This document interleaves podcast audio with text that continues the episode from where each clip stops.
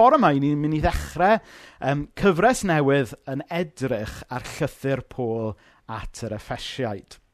Felly mae'r darlleniad bore yma yn dod o benod un um, o lythyr Pôl at yr Effesiaid. So, Effesiaid un, dechrau darllen yn adnod un. Llythyr gan Pôl wedi fy newis gan ddiw yn gynrychiolydd personol i'r Meseia Iesu. At bobl ddiw yn Ephesus sy'n dilyn y Meseia Iesu ac yn ffyddlon iddo. Dwi'n gweddio y byddwch chi'n profi'r heilioni rhyfeddol a'r heddwch dofn mae Dyw ein tad a'r arglwydd Iesu Grist yn ei roi i ni. Clod i ddew a thad ein harglwydd Iesu Grist – Mae wedi tywallt pob bendith ysbrydol sy'n y byd nefol arno ni sy'n perthyn i'r Meseia. Hyd yn oed cyn i'r byd gael ei greu, cawson ni'n dewis ganddo i fod mewn perthynas â'r Meseia ac i fod yn lan a di-fai yn ei olwg. Yn ei gariad, trefnodd Dyw ymlaen llaw i ni gael ein mabwsiadu i'w deulu. Iesu y Meseia wnaeth hyn yn bosib. Roedd wrth ei fodd yn gwneud hynny. Clod i ddiw am ei heilioni anhygoel mae wedi ddangos tuag ato ni. Ei anreg i ni yn y mab mae'n ei garu. Cawson ni'n gochwn yn rhydd am fod marwolaeth ei fab ar y groes wedi gwneud maddeiant ein pechodau yn bosib. Dyna lle dyn ni'n gweld mor anhygoel o hael ma' Dyw wedi bod tuag ato ni. Mae wedi tywallt ei helioni arno ni ac wedi rhoi doethineb a synwyr i ni. Mae wedi rhannu ei gynllun dirgel gyda ni. Roedd wrth ei fodd yn gwneud hyn. Mae wedi gwneud y cwbl drwy'r meseia. Trefnu i ddod â phopeth sy'n bodoli yn y nefoedd ac ar y ddeiar at ei gilydd dan un pen, sef y Meseia. Bydd yn gwneud hyn pan fydd yr amser iawn wedi dod. Mae ganddo le ar ein cyfer ni, am fod gyda ni berthynas a'r Meseia. Dewisodd ni ar y dechrau cyntaf a threfnu'r cwbl ymlaen llaw. Mae'n rhaid i bopeth ddigwydd yn union fel y mae e wedi cynllunio. Mae am i ni'r iddewon a rhai cyntaf i roi gobaith yn y Meseia, ei foli am ei fod mor wych. Ac wedyn chi, sydd ddim yn iddewon hefyd, cawsoch chithau eich derbyn i berthynas â'r Meseia ar ôl i chi glywed y gwir, sef y newyddion da sy'n eich achub chi. Wrth ddod i gredu ynddo, cawsoch eich marcio gyda sel sy'n dangos eich bod yn perthyn iddo. A'r sel hwnnw ydy'r ysbryd glân oedd wedi addo i chi. Yr ysbryd ydy'r bleundal sy'n gwarantu'r ffaith bod lle wedi ei gadw ar, eich, ar ein cyfer ni. Yn y diwedd, byddwn yn cael ein gochwn yn rhydd i'w feddiannu'n llawn. Rheswm arall i'w foli am ei fod mor wych. Wel, bendith Dyw ar ei air uh, arbennig i ni bore yma, um, a byddwn ni dros yr wythnosau nesaf yn mynd trwy'r adnodau yna i weld beth sydd gan ddew i ddweud wrthyn ni. A bore yma, byddwn ni'n canolbwyntio ar y ddau adnod gyntaf. Ond cyn i ni fynd ymlaen, i ni jyst mynd i wneud y cyhoeddiadau a'r casgliad. Felly, i ni jyst yn sort of pan i chi fynd nôl i'r capel drwy, drwy gael y cyhoeddiadau a'r casgliad hanner ffordd trwyddo fel hyn. So, dyna yw'r peth cyntaf sydd gyda fi ddweud, really, yw sôn am y trefniadau o ail-agor y capel. Mae yna rai eglwysi wedi ail-agor erbyn hyn, a falle bod rhai ohonoch chi'n meddwl o pam dydy Cersalem heb. Wel, y reswm pam yw um, bod ni angen rhywfaint o amser jyst i baratoi'r adeilad um, a dod lan gyda ffordd newydd o weithio fel eglwys sydd dal i gynnwys pobl fydd y methu dod oherwydd rhesymau iechyd ac yn y blaen. Felly, y cam cyntaf ydy hyn, sef bod ni yn, yn dechrau darlledu yn fyw ar ddydd syl. So am yr wythnos neu ddau nesaf bydd e'n digwydd fan hyn, o'n tŷ ni. Wedyn bydd e'n dechrau digwydd yn y capel, a wedyn ar syl cyntaf mis hydref, bydd e'n cael ei ddarlledu'n fyw o'r capel, ond gyda cynulleidfa yn y capel hefyd ond mi fydd yna limit ar y niferoedd byddwn ni'n gallu cael yna. Felly bydd yna rhyw fath o system gyda ni'n sicrhau bod pawb sydd yn gallu dod, yn gallu dod, fydd yna le i westeion. Um, ond y peth pwysig i gofio bydd e dal yn cael ei ddarlledu ar-lein fel hyn. Felly, y gobaith yw bydd y rhai sy'n methu bod yna mewn person ddim yn teimlo yn israddol, ond bydd y rhai sy'n methu bod yna mewn person dal yn cael eu cynnwys y mywyd a gweithgareddau'r eglwys gymaint a sy'n bosib. Ac oedd hwnna yn bwysig iawn i ni. Nawr, yr ail gyhoeddiad sôn ynglyn â'n grwpiau cymuned ni. Felly, um, i chi sy'n anghyfarwydd efo'r grwpiau cymuned, beth ydyn nhw ydy grwpiau sydd gyda ni'n cyfarfod yn ystod yr wythnos, le mae modd i bobl, um, wel, ar hyn o bryd dros Zoom, cyfarfod fyny, jyst i rannu lle maen nhw arni mewn pethau mewn bywyd. Fydd yna gyfle, falle i edrych ar ran o'r Beibl, bydd yna gyfle i gyflwyno um, pwyntiau gweddi a bydd yna gyfle i weddio dros yn gilydd. Ond os ych chi ddim yn gyfforddus yn gweddio, da pobl eraill, mae, mae croeso i chi um, just gwrando a gadw i rhywun arall weddio drosto chi. Nawr, cyn yr haf, mi oedd dau grŵp gyda ni, ond um, i ni mynd i, tymor yma, i ni'n mynd i drio um, cael pedwar grŵp. Felly, bydd gyda ni fwy o grwpiau, ond bydden nhw'n grwpiau llai. So, y rheswm tu ôl hynny yw, mewn grŵp llai, falle bod mwy o gyfle i bobl rannu um, yn onest, mwy o gyfleoedd i adnabod pobl yn well, ac hefyd gyda grwpiau llai mae modd bod yn fwy hyblyg gyda'r trefniadau. So, i chi'n wyndro, wel, beth yw'r trefniadau? Pryd mae'r grwpiau yma'n cyfarfod? Pa grŵp gallai i bedo? Wel, ar hyn o bryd, i ni ddim yn siŵr. Um, dros yr wythnos nesaf, i ni'n mynd i ddod ar trefniadau ymarferol at ei gilydd. Felly, syl nesaf, um, byddwn ni'n gallu cyhoeddi beth yw'r trefniadau So wythnos 14 o feddi bydd y grwpiau newydd yma yn lansio. Um, mae yna rhyw 30 o bobl wedi bod yn rhan o'r grwpiau yma, ond dwi'n gwybod fod yna lot o bobl sy'n ystyried Cersalem fel i cartre ysbrydol ddim wedi bod yn rhan o grŵp, wel falle bod dechrau tymor newydd yn gyfle i chi ymuno gyda grŵp. Felly, um, mae gyda ni rhestr o bobl sydd eisiau bod yn rhan o grŵp, ond mae Croeso i chi gysylltu gyda fi dros yr wythnos nesaf os ydych chi eisiau bod yn rhan o grŵp. Y gobaith yw fydd y grwpiau'n fwy um, hyblyg tymor yma gyda un grŵp falle'n cyfarfod yn ystod y dydd, um, un grŵp falle bydd yn fwy family friendly, um, so bydd gyda ni fwy o amrywiaeth a gobeithio bydd yn y grŵp bydd pawb yn gallu plygio mewn iddo fe.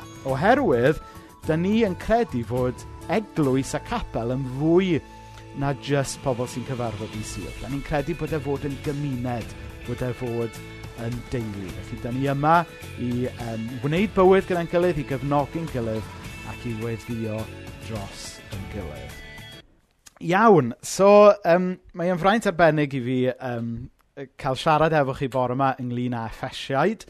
Um, mi fydd y neges bore yma'n fwy tebyg i'r neges cael um, ar ddydd syl arferol yn Caersalem. Um, dros y misoedd diwetha, ydych chi wedi bod yn cael uh, be mae rhai pobl yn garw yn sermonets, sef rhyw fath o mini pregethau ar ffilm. Ond dwi'n mynd i um, ddechrau bore yma cyfres newydd yn edrych ar effesiaid. Fyddai ddim yn siarad yn hir iawn, um, a achos dwi ddim yn pregethu'n hir anyway, ond fydd e falle rhyw 5 munud bach yn hirach na da ni wedi bod yn neud ar-lein tan nawr. Felly, cofiwch am y gweithgaredd i'r plant yn ystod y bregeth, sef gwneud llun, y hunan bortread, um, gyda rhai pethau sy'n gwneud chi yn chi o'ch cwmpas chi. Mae yna rai wedi dod mewn yn barod a byddwn ni'n rhannu uh, rheina ar y diwedd.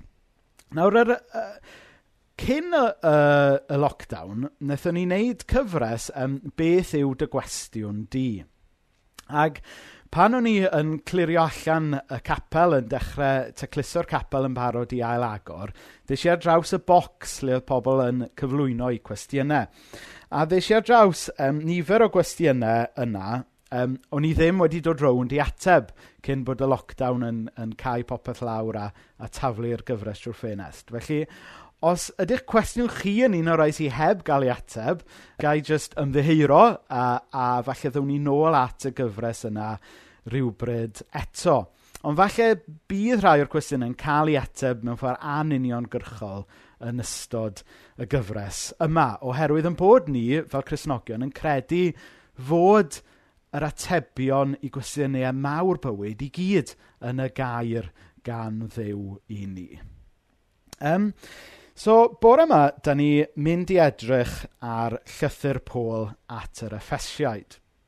Nawr, mi fiodd um, dwy benod gyntaf llythyr Pôl at yr Effesiaid yn, yn rannau pwysig iawn o'r Beibl i fi yn ystod y cyfnod clo. Fel mae rhai ohonoch chi yn gwybod, um, nes i ddioddau y lockdown blues fel llawer o bobl eraill. Fe eisiau i bryderu yn ormodol am bethau um, ac ac oedd e bron a gwneud fi yn sal mewn gwirionedd. Um, ond fe nath sort of symlrwydd ar rywydd um, Effesiaid un a dau fy nghynnal i. A dwi'n cofio dweud wrth rhywun ar Facebook um, bod, bod Effesiaid un a dau fel, fel tomato neu chicken soup. Nawr, be fi'n golygu wrth hwnna ydy, Chybod pan, pan i chi falle'n run down, um, pan i chi wedi cael anwyd, um, ma' ma' ma' rhywbeth fel tomato chicken soup. Mae e'n hollol um, syml, ond eto yn ei symlrwydd mae yna gyfoeth yna sydd yn eich cynnal chi. A dyna oedd um, Effesiaid un a dau i fi yn ystod y lockdown. Ond da ni'n mynd i drio plymio'n ddyfnach uh, mewn i Effesiaid dros yr wythnosau nesaf a gweld mewn gwirionedd mae yn fwy na jyst uh, swp ysbrydol. Ond mae ma' ma' Effesiaid yn bryd tri cwrs cyflawn sy'n dod â lot o gyfoeth uh, i fywyd, cyfoeth ysbrydol gan ddiw i ni. So, um, so Effesiaid, be ydy Effesiaid? Falle bod chi'n um, tiwnio mewn ato ni bore yma am y tro cyntaf. Um, falle bod chi ddim fel arfer yn mynd i'r capel neu'r eglwys, neu falle heb fod ar sbel. Wel, beth i ni yn um, ceisio gwneud uh, yn Cersalem ydy deall y Beibl yn well, a gweld sut mae Dyw yn gallu siarad efo ni trwy y Beibl. Nawr, un peth bydd falle yn sioc i chi glywed yw mai nid llyfr yw y Beibl, ond casgliad o lofrau. Mae yna rai llyfrau hanes yn y Beibl, mae yna rai llyfrau barddoniaeth yn y Beibl, mae yna pedwar um, sort of biography o fywyd Iesu, Matthew, Mark, Luca, Iwan, a hefyd mae yna gasgliad o lythyrau yn y Beibl. Ac un o'r llythyrau sy'n yn y Beibl ydy llythyr Pôl at yr Effesiaid. Um, mae yna lot o genres gwahanol um, yn y Beibl, ac felly mae rhaid i ni ddarllen a deall y gwahanol genres yma mewn ffordd gwahanol er mwyn deall be mae Dyw yn trio dweud wrthyn ni. Er enghraifft, tysach chi'n mynd um, i siop lyfrau uh, yma yng Nghanarfon, tysach chi'n mynd i um, Palace Print, a, a bod chi'n ystyn llyfr am hanes Cymru, a wedyn hefyd yn ystyn nofel Gymraeg, fysa chi ddim yn yn, yn darllen a deall y ddau lyfr yna yn yr un ffordd. So rhaid chi ddarllen y gwahanol lyfrau mewn ffordd sy'n sensitif i'r genre. Ddim bod un llyfr yn, yn well nag yn fwy pwysig na'r llall, ond bod y ddau lyfr yn cyflwyno rhywbeth mewn ffordd wahanol. A mae'r un peth yn wir ynglyn â gwahanol rannau o'r Beibl. Da ni yma yng Nghersalem yn credu fod y Beibl i gyd yn air dew a bod ei gyd yn cyflwyno gwirionedd i ni ond bod e'n cyflwyno'r gwirionedd yna mewn ffordd wahanol. So mae'n bwysig i ni gofio'r cyd-destun yna. Mae llythyr yw hwn gan Paul, sef um, rhywun oedd wedi cael ei alw gan ddew i rannu i neges e o newyddion da efo pobl. Ac oedd e neges gath ei sgwennu i, i eglwys yn Ephasus um, sef rhan... sef dinas bydda heddiw yn gorllewin Twrci. A fe gath ei sgwennu a'i ddanfon iddyn nhw tua um, 2000 o flynyddoedd yn ôl. Felly dyna yw'r cyd-destun, dyna yw'r context. Nawr, um, mae'n bwysig i ni gofio felly bod hwn ddim yn lythyr gath i sgwennu ato ni, um, bobl Cymru yn 2020. Ond, er bod e ddim wedi cael ei sgwennu um, ato ni, mae e wedi cael ei sgwennu i ni. Achos da ni'n credu fod gair Duw yn air tragwyddol. Yn air sy'n gallu siarad efo pobl mewn i sawl cyd-destun, mewn, mewn pob math o genhedloedd dros amser. Ond er mwyn deall beth mae Dyw yn dweithio ni, mae rhaid ni ddeall rhywbeth o'r cyd-destun gwreiddiol. Felly bore yma, dan ni mynd i edrych ar y ddau adnod gyntaf yma. Llythyr gan Pôl wedi fy newis gan ddiw yn gynrychiolydd personol i'r Meseia Iesu. At bobl ddiw yn Ephesus sy'n dilyn y Meseia Iesu ac yn ffyddlon iddo. Dwi'n gweddio y byddwch chi'n profi'r heilioni rhyfeddol a'r heddwch dwfn mae Dyw ein tad a'r arglwydd Iesu Grist yn ei roi i ni. Nawr mae Paul yn y llythyr yma'n cyflwyno ni i tair thema bwysig iawn. Tair thema byddwn ni'n edrych arno gyda'n dros yr wythnosau nesaf. Mae e'n edrych ar hunaniaeth, mae'n edrych ar berthynas, a mae'n edrych ar bwrpas. Mae'r llythyr yma'n helpu ni ateb y tri cwestiwn pwysig yma. Pwy ydw i? Ble ydw i'n perthyn? A beth ydw i yn byw iddo fe? Falle bod y tri cwestiwn yma, neu un ohonyn nhw, neu gyfuniad ohonyn nhw, yn gwestiynau e i chi falle wedi bod yn reslo efo, wedi bod yn lo efo dros y misoedd diwetha. Falle wrth i bopeth sy'n gyfarwydd i chi gael ei gymryd i ffwrdd, falle dros nos ar ddechrau'r lockdown, bod chi wedi ffeindio'ch hunan yn gofyn y tri cwestiwn yma. Pwy ydw i? Ble ydw i'n perthyn? A beth ydw i yn byw iddo fe? Nawr, at y cwestiwn cyntaf bore yma, pwy ydw i? Cwestiwn ynglyn â'n hunaniaeth ni, ynglyn â'n identity ni. Nawr, mae'n ddiddorol sut i ni gyd yn ateb y cwestiwn yma mewn ffordd wahanol. Sut i ni yn diffinio yn hunaniaeth, yn identity yn hunain. Mae gwa gwahanol fathau o ffordd y byddwn ni yn trio sbonio pwy ydyn ni. I rai pobl, be maen nhw'n berchen arno fe, i eiddo nhw sydd yn gwneud nhw yn nhw. Maen nhw'n... Um, maen nhw sydd yn byw mewn tŷ, neu maen nhw'n bobl sy'n byw mewn byngalo, maen nhw'n bobl sy'n byw yn y dre, neu allan yn y pentre. Hynny yw, mae, mae eiddo neu le maen nhw'n byw yn rhan bwysig o'i hunaniaeth nhw. I bobl eraill, falle mae be maen nhw'n gwneud sydd yn bwysig. Dyna sydd yn rhan, yw'r rhan mwyaf pwysig o'i hunaniaeth nhw. Ac os gai jyst tynnu coes fy hun am eiliad. Dwi'n dwi licio meddwl fod um, mae'n ffydd i yn amlwg yn, yn rhan bwysig o'n hunaniaeth i. mae'n yng Nghymreictod i'n bwysig. Um, mae'n bwysig hefyd mod i yn ŵr priod uh, gyda plant. Mae hynna'n bwysig. Ond wedyn, mae yna un rhan o'n hunaniaeth i sydd yn interchangeable yn dibynnu ar y ffad diweddara. So, er enghraifft, dwi wedi cael cyfnod o fod yn rhys, y Cristion, y Cymro a'r ffotograffydd um, oedd, oedd hwnna'n rhan bwysig o'n hunaniaeth i am spel. Um, wedyn, falle, yn, yn fwy diweddar, o, o fi oedd Rhys, uh, uh, Cristion, y Cymro a'r Sourdough Baker. Hwna, oedd hwnna'n rhan mawr o mywyd i llynedd.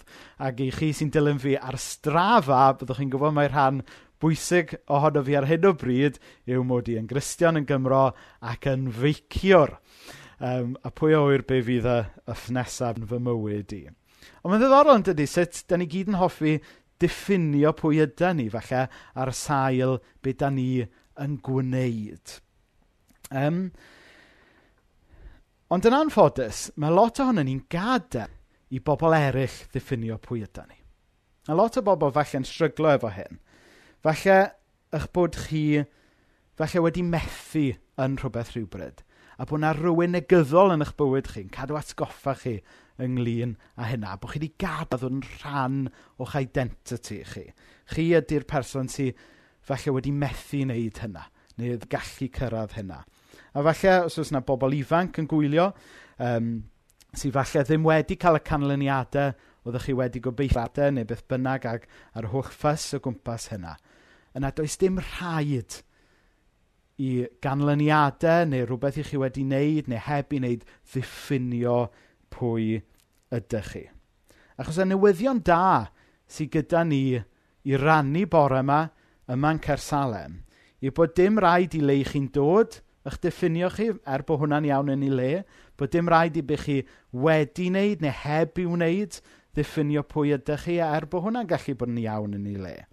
Yn hytrach, fe allwn ni Fel mae Paul yn dweud wrth yr Effesiaid fan hyn, fe allwn ni ddod o flaen Duw a cael yn diffinio nid ar beth i ni wedi wneud, ond be mae Duw wedi wneud drosto ni. Mae Duw yn Iesu Grist wedi encaru ni, mae e wedi marw ar y groes i ni dderbyn maddeiant a bywyd newydd. Felly mae yna wahoddiad i bawb bore yma i beidio diffinio pwy ydyn nhw a rywbeth i chi wedi wneud neu heb i wneud, ond fe allwn ni ddiffinio pwy ydyn ni ar sail be mae Duw allan o'i gariad wedi wneud drosto ni. So dyna'r pwynt cyntaf bore yma, yw y gallwn ni wneud hyn trwy ffydd yn rhan o'n hunaniaeth ni, sef yn bod ni yn bobl sydd wedi derbyn maddeiant, wedi derbyn cariad, Nid achos unrhyw beth da ni wedi wneud, ond achos be mae Dyw wedi wneud drosto ni. Nawr, yr, yr ail bwynt o'n i eisiau wneud bore yma, oedd um, pwyntio allan fod y llythyr yma wedi cael ei ddanfon i'r effesiaid, a, a mae'r adnod yn dweud bod e wedi cael ei ddanfon at bobl Dyw, neu fel mae'r hen gyfeithiad yn dweud fel sy'n ar y sgrin nawr, at y saint sydd yn Ephesus. Hynny yw bod e wedi cael ei ddanfon nid i un person, ond bod e wedi cael ei ddanfon i grŵp o bobl gyda'i gilydd. Nawr saint, ddim yn gwybod beth ydych chi'n meddwl amdano pan ydych chi'n meddwl am sant. E, falle bod chi'n meddwl am dewi sant, falle bod chi'n meddwl am rai o seintiau'r eglwys gatholig fel y fam Teresa. E, rhai pobl mae'r pab wedi gwneud yn seintiau swyddogol yn yr eglwys gatholig. Ond mae'r Beibl yn dysgu ni fod y teitl sant, bod e ddim yn exclusif i rai bobl bwysig yn, un, yn unig. Ond mae e yn deitl mae pawb sydd wedi credu a trystio yn Iesu Grist yn gallu cael ei arddel. Um, mae e'n deitl a gallwn ni felly fel Cresnogion heddiw alw ar yn gilydd. Bydd y pobl yma bod ni bach yn weird. Chybod, tasau fi'n dweud bod um, sant arwel yn pregethu di syl nesaf. so chi'n meddwl bod ni yn yn bobl od iawn. Ond ystyr sant yw rhywun sydd wedi cael ei osod o'r neilltu, rhywun sydd wedi cael ei gyfru arbennig, rhywun sydd wedi roi i dyryst yn Iesu Grist. Felly newyddion da bore yma yw mae yna groeso i bawb ddod yn sant. Um, os ydych chi yn gweld eich angen, eisiau Iesu Grist yn eich bywyd, trystio'n Iesu Grist am, am fyddeiant am eich pechodau, fe allwch chi bore yma fod yn sant. A mae hwnna'n hyfryd yn dydy, fod yna le i bawb fod yn sant. Dyw e ddim just i bobl fawr, dyw e ddim just i bobl bwysig, dyw e ddim just yn, yn, yn, yn rhywbeth i bobl sy'n byw ochr yna o'r dre a ddim i bobl ochr yma'r dre. Achos dyw e ddim yn dibynnu arno ni.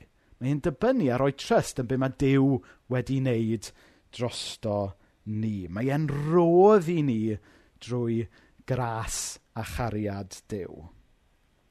Nawr, y pwynt nesaf yw fod y gair sant, apparently, dwi ddim wedi checio, ond bod y gair sant ddim yn y Beibl. Mae e wastad yn saint, hynny yw, yr, y lluosog, y plural. Oherwydd, er fod Dyw eisiau bob un ohono ni yn bersonol ymateb i'w gariad e, Mae'r ffydd grisnogol wedyn yn ffydd i ni yn ei fyw allan mewn perthynas a mewn cymuned gyda Cristnogion eraill. Ac ni'n byw mewn oes eitha um, unigolyddol, individualistic iawn. Ac felly mae'r ffydd grisnogol yn cynnig rhywbeth eitha countercultural fan hyn. Achos er bod ffydd bersonol yn bwysig, os ydyn ni'n darllen bil, dydy'r ffydd grisnogol byth fod yn breifat. Mae'r ffydd Grisnogol fod yn ffydd i ni'n byw allan fel teulu ffydd, byw allan cymuned gyda'n gilydd. Ac felly, ar ddechrau tymor newydd fel hyn, dwi'n rhoi gwahoddiad i chi yn gyntaf i roed eich ffydd yn Iesu Grist. Os ydych chi'n teimlo fod chi'n methu sortio'ch bywyd allan yn eich nerth eich hunain, os ydych chi'n ffeindio bod chi wedi roed eich ffydd, roed eich trust mewn pethau a pobl eraill sydd wedi gadael chi lawr. Wel, bore yma, gael eich bod hodd chi i roed eich ffydd yn Iesu. Ond ga wedyn eich gwahodd chi i fyw allan eich ffydd mewn cymuned gyda pobl eraill. I yn byw yng Nghernarfon ar ardal, mae croeso i chi wneud hynny gyda ni yma yng Nghaersalem. Um, os ydych chi'n gwylio hwn, um, a bod chi wedi bod yn dilyn yn oedfaon ar-lein ni, ond falle ddim yn rhan o gapel neu eglwys, ond yn byw yn yr ardal, yna gai eich gwahodd chi i ddanfon neges breifat um, i Cersalem neu i fi yn dweud eich bod chi eisiau dechrau daith o, o ddilyn Iesu gyda ni fel eglwys.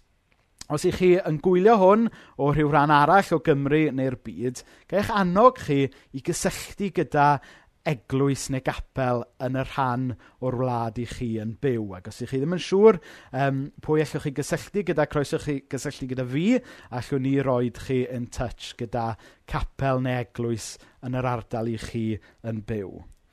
Achos mae Dyw eisiau ni fyw bywyd yn ei ddilyn e, ond dyw e ddim yn disgwyl i ni fynd ar y daith yna ar ben yn hunain. Mae'r llythyr yma i gryw o bobl oedd ar yr antur o ddilyn Iesu gyda'i gilydd. Ac felly mae'n bwysig bod ni yn clywed y gair yma rhywun peth. Ydy mae Dyw eisiau ni roed ffydd personol ynddo fe, ond mae hefyd eisiau ni fyw allan y ffydd yna mewn teulu, mewn cymuned gyda'n gilydd. Gadewch i ni weddio. Wel, y ddiw dad, i ni jyst yn diolch i ti am yr um, anogaeth yma ar ddechrau llythyr Pôl at yr effesiaid. I ni'n diolch fod Paul yn un oedd yn diffinio'i hun yn ôl beth o ti wedi wneud drosto fe. Ac o ddiw dad, helpa ni gyd i gymryd y cam yna o ffydd. Falle am y tro cynta, neu falle o'r newydd bore yma. O ddiw dad, i ni yn falch iawn o ymfalchio mewn rhan eraill o'n hunaniaeth ni, falle yn Cymreictod ni, falle yn gwaith ni, falle le i ni'n byw, beth i ni wedi wneud. Felly bod yna rai eraill o ddiw dad wedi gadael i'w hunaniaeth nhw ddal nhw lawr. Wedi gadael i bobl eraill sgwennu stori i bywyd nhw, fod nhw'n bobl sydd wedi methu mewn hyn a'r call. Wel, o ddiw dad, gad i ni droi eto ti bore yma a diffinio'n hunain yn ôl beth wyt ti wedi wneud drosto ni. Ni'n diolch bod ti wedi'n caru ni er gweitha'n methiannau ni'n diolch fod ti wedi marw ar y groes i ni gael maddeiant a bywyd newydd.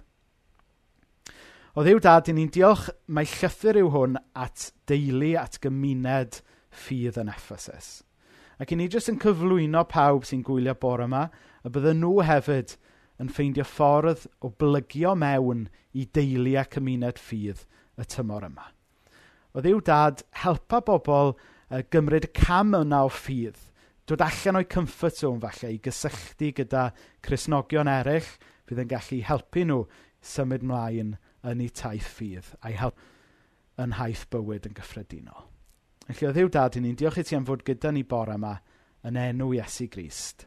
Amen.